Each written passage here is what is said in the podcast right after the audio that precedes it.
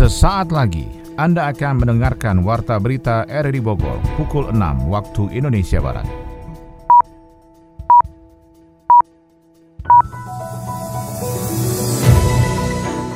Selamat pagi, salam jumpa. Kami hadir kembali dalam Warta Berita edisi hari ini, Kamis 25 Agustus 2022. Informasi ini juga turut disiarkan melalui audio streaming lewat RRI Play dan juga disiarkan lewat Radio Tegak Beriman Kabupaten Bogor, Jawa Barat dan Anda bisa akses di Spotify RRI Bogor. Pemerintah mendorong untuk mengambil opsi dan kebijakan yang tepat dalam menyikapi kenaikan harga minyak dunia pemerintah Kabupaten Bogor akan tetap memberikan dana samisade untuk 415 desa melalui alokasi anggaran di APBD. Mengantisipasi penyebaran cacar monyet, pemerintah kota Sukabumi memperketat pengawasan pasien suspek. Saya Maulana Isnarto, inilah Warta Berita selengkapnya.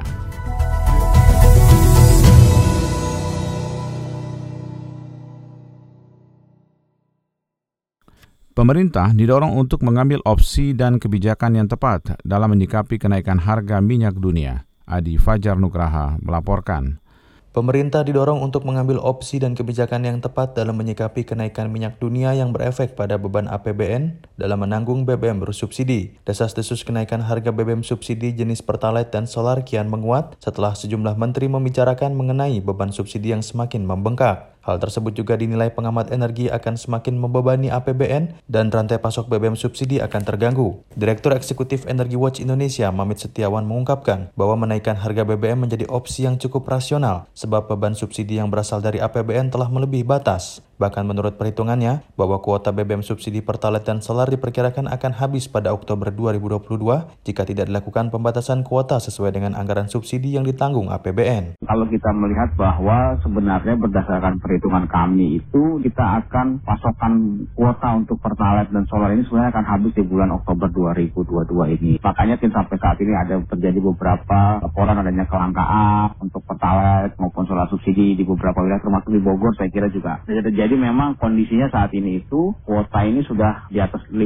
persen bahkan hampir 60 persen yang sudah terpakai. Sedangkan kan kita masih cukup panjang ya baru sampai pertengahan tahun masih ada. Jadi diperkirakan kalau tidak ada pembatasan ataupun tidak ada suatu kebijakan maka akan over kuota. Jika pemerintah tidak segera mengambil kebijakan cepat, maka beban keuangan negara akan semakin berat. Selain menaikkan harga BBM, opsi lain yang bisa diambil lanjut Mamit ialah keseriusan pemerintah untuk membatasi kuota BBM bersubsidi. Subsidi yang dikeluarkan pemerintah harus dipastikan tepat sasaran agar tidak melebihi batas yang telah ditentukan. Salah satu solusinya adalah dengan melakukan penyesuaian harga terhadap Pertalite maupun solar subsidi ini menjadi salah satu opsi ya. Kalau berdasarkan perhitungan kami bahwa untuk kita menambah 5 eh, juta kiloliter pertalite dan satu setengah juta solar subsidi sampai akhir tahun itu, maka dibutuhkan dana kurang lebih hampir 65 triliun. Ini kan sepertinya sudah kemarin uh, di 502 triliun. Kalau misalnya ada nambah kuota bisa nambah lagi 65, hampir 600 triliun kan ini sangat luar biasa. Di opsi lain, pemerintah melakukan pembatasan terhadap BBM penugasan maupun jenis tertentu ini sehingga subsidi akan menjadi tepat sasaran dan sesuai dengan yang diharapkan oleh pemerintah. Di sisi lain, pengamat ekonomi sekaligus dekan Fakultas Ekonomi Universitas Pakuan Bogor, Dr. Hendro Sasongko berpendapat bahwa pemerintah harus tetap menggelontorkan subsidi dalam rangka menjaga aktivitas ekonomi dan daya beli masyarakat. Namun pemerintah harus betul-betul memastikan bahwa subsidi yang dikeluarkan tepat guna dan tepat sasaran langsung kepada masyarakat yang berhak menerimanya. Saya kira bagi pemerintah menurut saya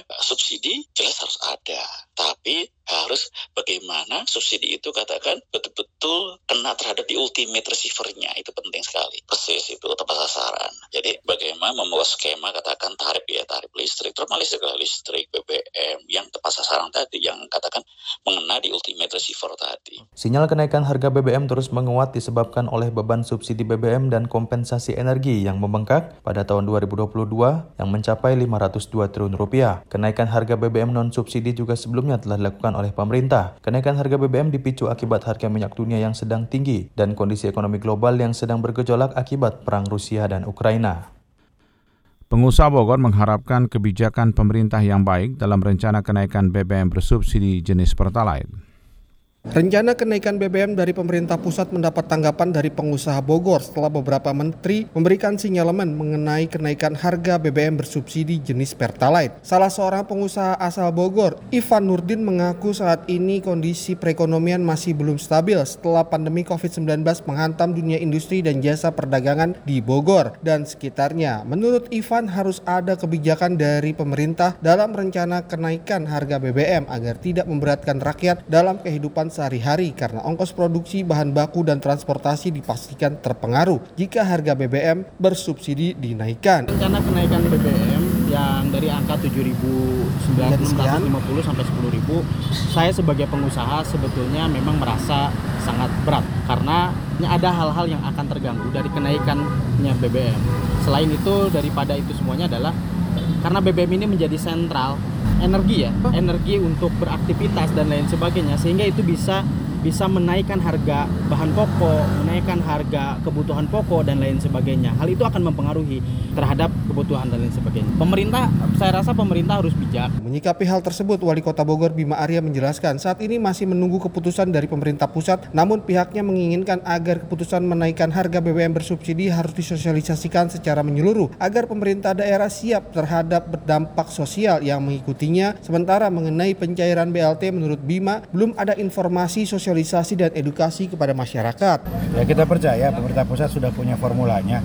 Ya yang penting begini, semua langkah itu kita bisa koordinasikan dengan baik sehingga kita bisa sosialisasikan. Ya, jadi, jadi jangan sampai ada ada kebijakan yang kita tidak tahu. Gitu. Oh. Jadi langsung ya pemerintah pusat begitu ada langkah-langkah itu bisa kita antisipasi sehingga kita bisa gencarkan sosialisasi kepada warga. Karena pilihan-pilihannya kan tidak mudah. Kalau memang harus naik, karena kondisi ekonomi globalnya ya harus seperti itu. Dulu pun begitu juga. Sementara itu, Iswan Ambigas Kota Bogor mengaku belum ada pengumuman resmi dari Pertamina mengenai rencana kenaikan harga BBM bersubsidi jenis Pertalite, sehingga pihaknya belum bisa mengantisipasi dari sisi pasokan dan penyaluran.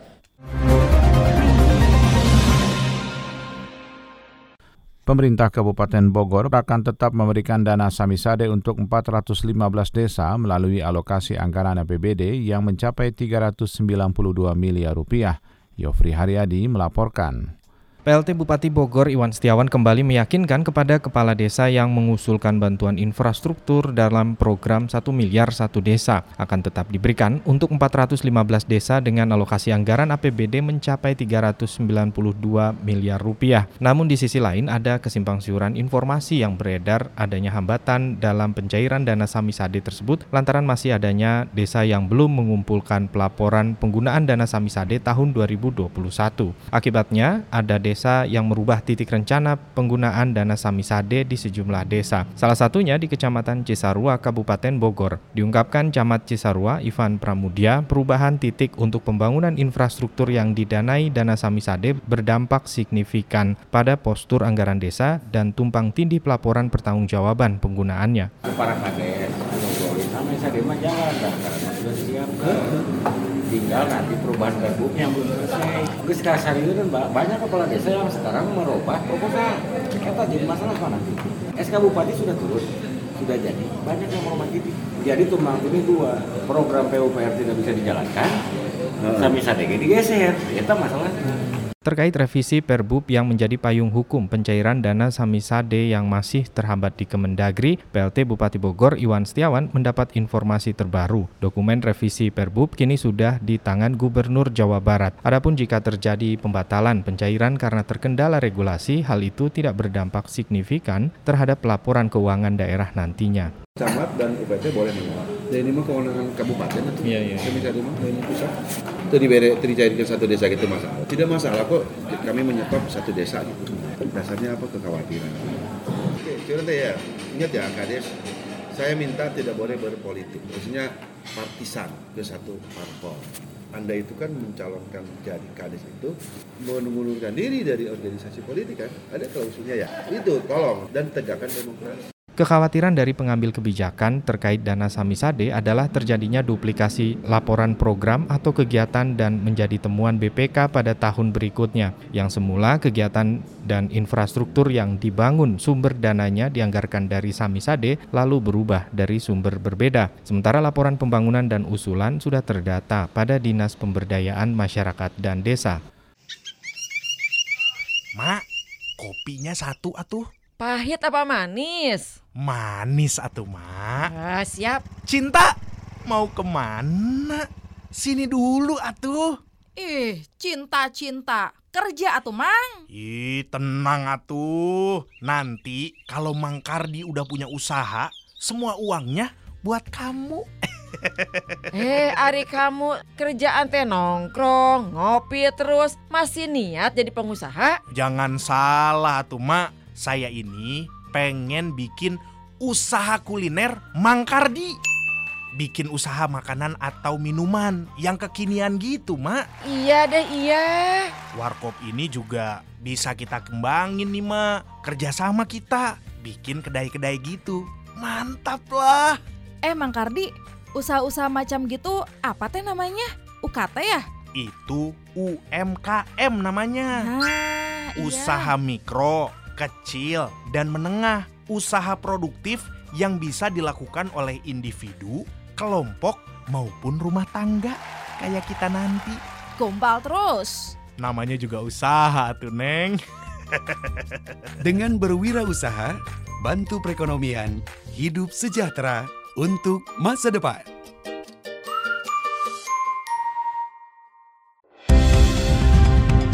Anda tengah mendengarkan Warta Berita RRI Bogor.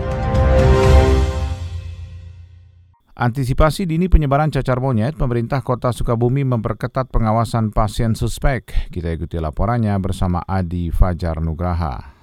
Adanya laporan kasus terkonfirmasi positif cacar monyet atau monkeypox di Indonesia membuat pemerintah kota Sukabumi memperketat kewaspadaan akan penyebaran penyakit tersebut. Kepala Bidang Pengendalian dan Pemberantasan Penyakit Dinas Kesehatan Kota Sukabumi, Dr. Wahyu Handriana mengatakan pihaknya berupaya melakukan pencegahan penyebaran cacar monyet dengan melakukan antisipasi dini terhadap adanya pasien suspek. Pasien suspek tersebut harus dilakukan screening dan pemeriksaan lebih lanjut dengan pengecekan laboratorium guna memastikan apakah pasien tersebut terkonfirmasi positif positif cacar monyet atau bukan. Kami dari Dinas Kesehatan Kota Sukabumi beserta jajaran puskesmas maupun rumah sakit sudah melakukan memang antisipasi. Yang pertama kita melakukan surveillance atau pengawasan pengawasan terhadap kasus-kasus suspek cacar monyet. Ya seperti kita ketahui bahwa suspek cacar monyet itu adanya ruam, demam, sakit kepala, hampir mirip-mirip dengan cacar air. Apabila ada kasus probable, mohon maaf nih suspek ataupun probable, kita akan melakukan pemeriksaan cairan ya karena di dalam lesi atau ruam itu ada cairan yang mengandung virus cacar monyet tersebut. Kita akan kirim ke dua lembaga, apakah itu di IPB ataupun di Jakarta, untuk pemeriksaan bahwa itu positif atau tidak. Disertai dengan keterangan apakah yang bersangkutan pernah berhubungan atau pernah melakukan perjalanan ke tempat endemi. Kita tetap melakukan kewaspadaan. Meski belum ditemukan kasusnya, Wali Kota Sukabumi Ahmad Fahmi meminta Dinas Kesehatan bersama rumah sakit dan puskesmas melakukan koordinasi untuk melakukan pengawasan ketat agar kasus cacar monyet tidak semakin menyebar luas. Fahmi juga memastikan di Kota Sukabumi belum ada warganya yang suspek ataupun positif monkeypox. Alhamdulillah untuk kasus sampai saat ini tidak ada dan mudah-mudahan sampai seterusnya juga tidak ada. Ya, dinas terus melakukan konsolidasi termasuk dengan teman-teman puskesmas dan home care karena ini menjadi salah satu yang harus diprioritaskan terkait cacar monyet ini ya. Jadi mudah-mudahan tidak ada. Sebelumnya Kementerian Kesehatan telah mengkonfirmasi pasien virus cacar monyet pertama di Indonesia yang ditemukan di DKI Jakarta pada 20 Agustus lalu. Pasien tersebut adalah seorang laki-laki berusia 27 tahun dan sempat berpergian dari luar negeri. Pemerintah meminta masyarakat tetap tenang dan selalu menerapkan pola hidup bersih sehat serta tetap menggunakan masker dalam beraktivitas untuk mengantisipasi penyebaran cacar monyet.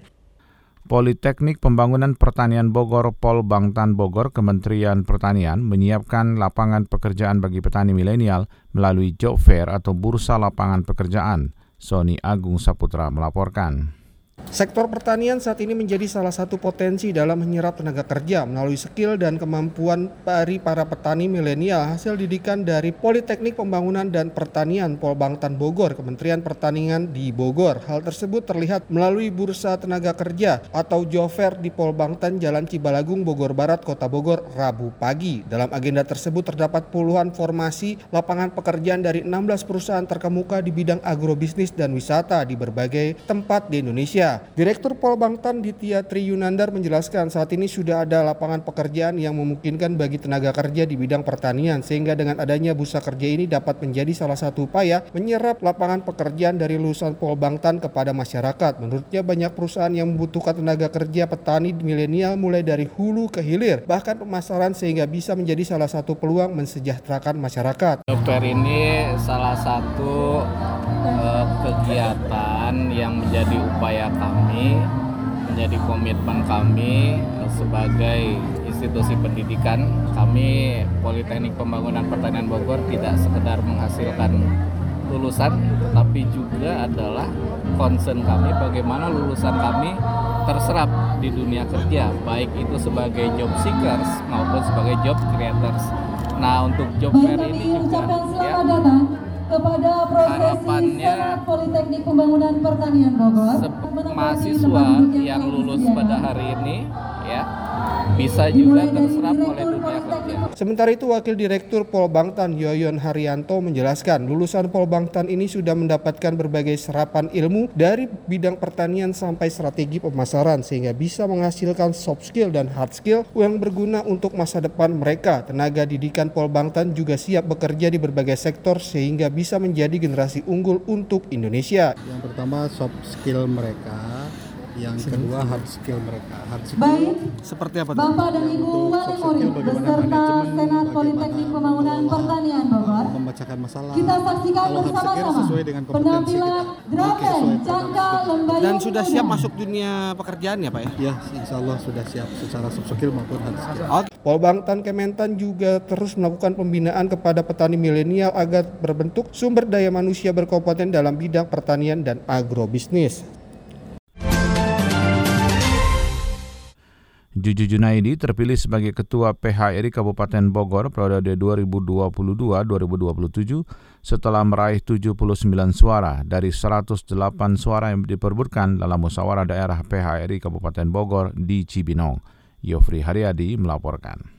Haji Juju Junaidi dari Hotel Akram untuk memberikan sambutan. Setelah melewati diskusi panjang, menentukan arah perubahan pada organisasi Persatuan Hotel Restoran Indonesia Kabupaten Bogor, akhirnya keputusan ditutup dengan pemilihan calon ketua yang memimpin PHRI Kabupaten Bogor lima tahun ke depan. Lima kandidat calon ketua PHRI Kabupaten Bogor yang berkompetisi memperebutkan 108 hak pilih yakni Dede Maulana, Witoro Winayana, Sofian Ginting, Jujuh Junaidi dan satu kandidat Agus Chandra Bayu mengundurkan diri di tengah pencalonan. Dari hasil voting yang dilakukan, Jujuh Junaidi meraih suara terbanyak, yakni 79 suara. Terpilih sebagai Ketua PHRI Kabupaten Bogor periode 2022-2027, Jujuh berjanji mengakomodir semua kompetitornya untuk bersama-sama membesarkan PHRI Kabupaten Bogor dan menghadapi tantangan industri pariwisata di masa mendatang. Kita PHRI tadi sudah saya paparkan juga, kita akan membantu bagi anggota yang masuk ke PHRI, kita menjembatani untuk mengurus perizinannya karena itu nanti akan berkaitannya dengan pajak Pak. Ya mudah-mudahan makanya saya juga minta ke Kabupaten Bogor tolonglah PHRI di, dilibatkan dalam hal masalah pembangunan hotel yang baru ini. Karena selama ini jujur PHRI tidak pernah dilibatkan. Banyak tantangan yang dihadapi PHRI Kabupaten Bogor, persaingan industri hotel dan restoran yang semakin ketat serta masuknya pemain baru dengan kapital yang sangat besar. PHRI dituntut menjadi wadah dan terlibat dalam mewadahi para anggota dan persaingan sehat para pelaku usaha sejenis. PLT Bupati Bogor Iwan Setiawan berpesan kepada Ketua PHRI terpilih untuk membantu anggota lain lainnya yang terpuruk terdampak pandemi COVID-19.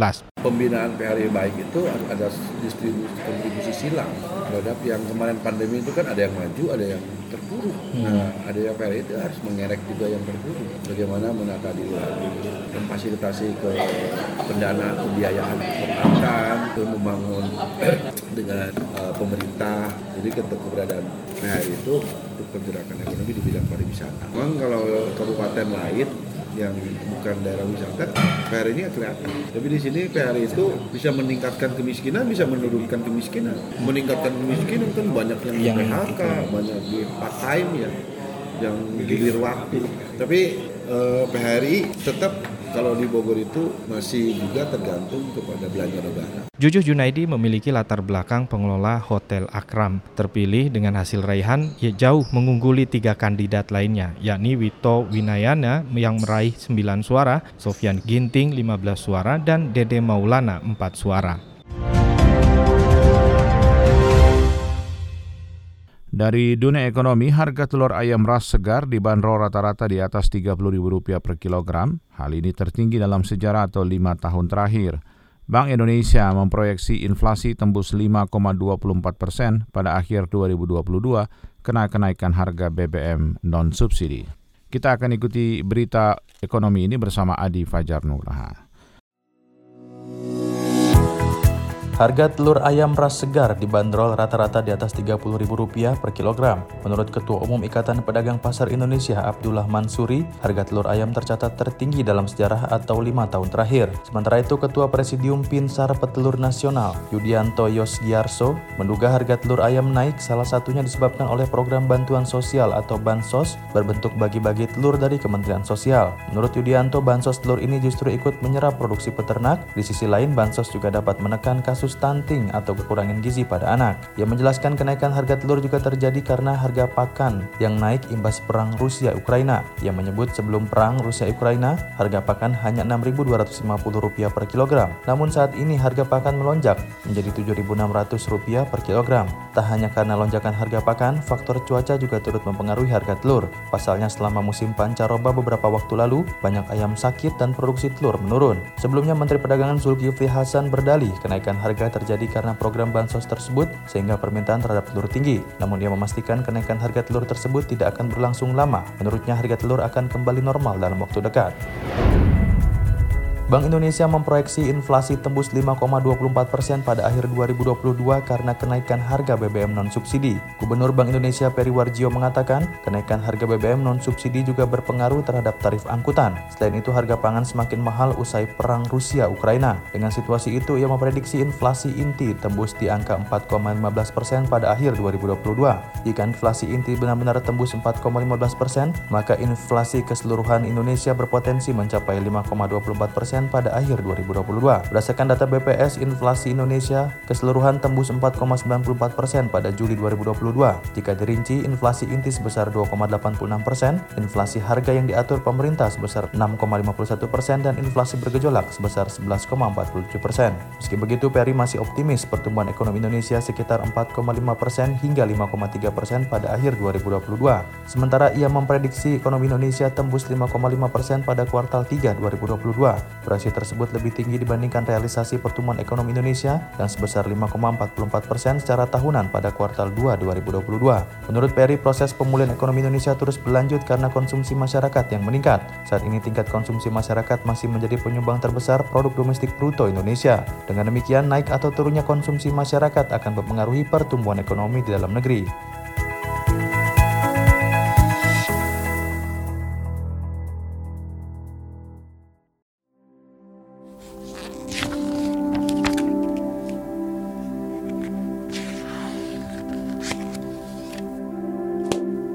Melihat album foto tadi jadi teringat masa lalu.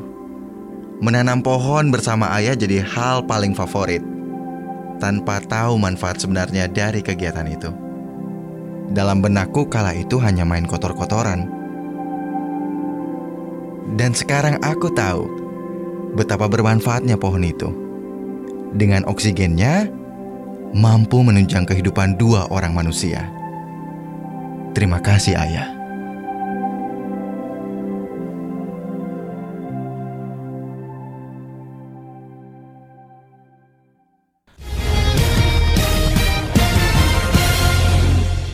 Dari dunia olahraga, NPCI Kabupaten Bogor akan menggelar pelacap selama tiga bulan mulai Agustus hingga Oktober 2022 dalam menghadapi Peparda Jabar 2022. Liga Inggris 2022-2023 secara total telah mengeluarkan dana transfer hingga 1,54 miliar pound sterling atau 26 triliun. Jumlah itu membuat klub-klub Liga Inggris memecahkan rekor transfernya sejak edisi 2017. Kita ikuti info olahraga bersama Ermelinda. Thank you.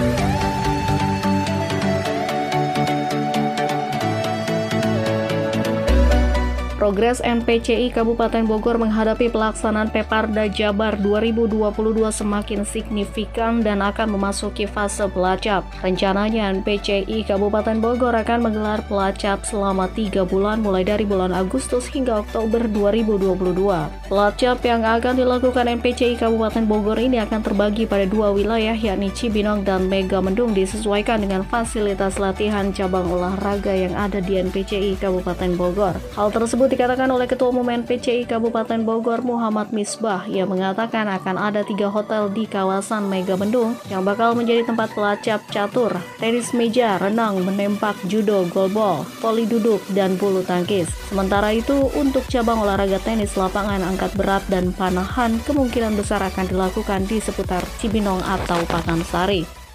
Kan jajaran dengan pengurus sudah rapat pengurus rapat koordinator cabur, manajer cabur, ofisial, termasuk pelatih, asisten pelatih untuk persiapan. Alhamdulillah antara tanggal 20 tanggal sampai tanggal 25 itu akan penetapan pelacap. Pelacap ini akan dilakukan di dua tempat di daerah Megamendung, daerah Cipayung, dan daerah Cibinong selama tiga bulan.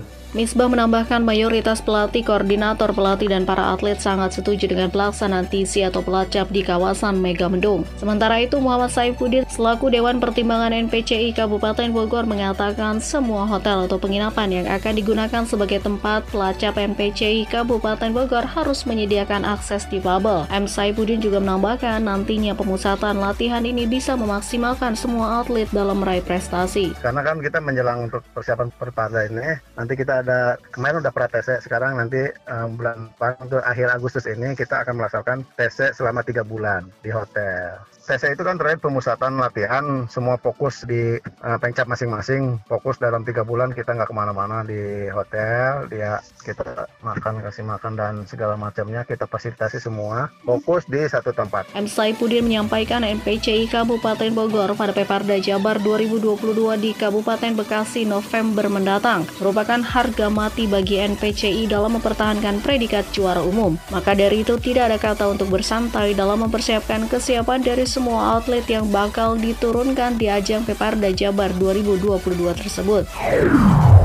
Usai Manchester United merekrut Casemiro Liga Inggris 2022-2023 langsung memecahkan rekor di bursa transfer. Casemiro resmi bergabung Man United dengan biaya 70 juta pound sterling atau setara 1,2 triliun rupiah. Bergabungnya Casemiro membuat Red Devils mencatatkan total pengeluarannya pada bursa transfer musim ini sebesar 131,2 juta pound sterling atau 2,3 triliun rupiah. Jumlah tersebut meningkatkan total pengeluaran klub Liga Inggris sepanjang musim 2022-2023. Hingga berita ini diturunkan, klub-klub Liga Inggris 2022-2023 secara total telah mengeluarkan dana transfer hingga 1,54 miliar pound sterling atau sebanyak 26 triliun rupiah. Jumlah tersebut membuat klub-klub Liga Inggris memecahkan rekor transfernya. Sebelumnya, jumlah dana transfer tertinggi pernah dicapai klub-klub Liga Inggris Inggris edisi 2017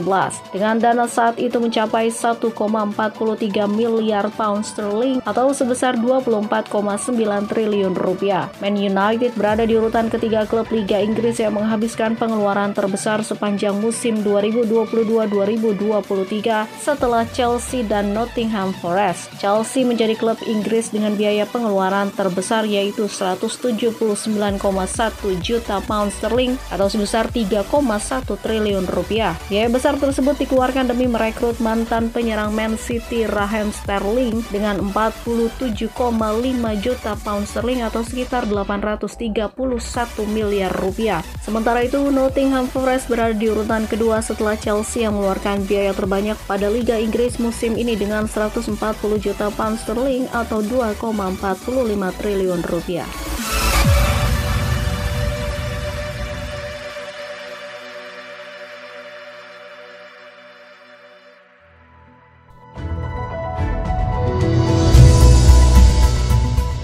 Demikian rangkaian informasi yang kami hadirkan di Warta Berita RRI Bogor pagi ini. Sebelum berpisah, kami kembali sampaikan berita utama. Pemerintah mendorong untuk mengambil opsi dan kebijakan yang tepat dalam menyikapi kenaikan harga minyak dunia. pemerintah Kabupaten Bogor akan tetap memberikan dana Samisade untuk 415 desa melalui alokasi anggaran di APBD. Mengantisipasi penyebaran cacar monyet, pemerintah kota Sukabumi memperketat pengawasan pasien suspek. Saya Molanes Narto, bersama tim bertugas pada hari ini mengucapkan terima kasih atas perhatian Anda. Selamat pagi dan sampai jumpa.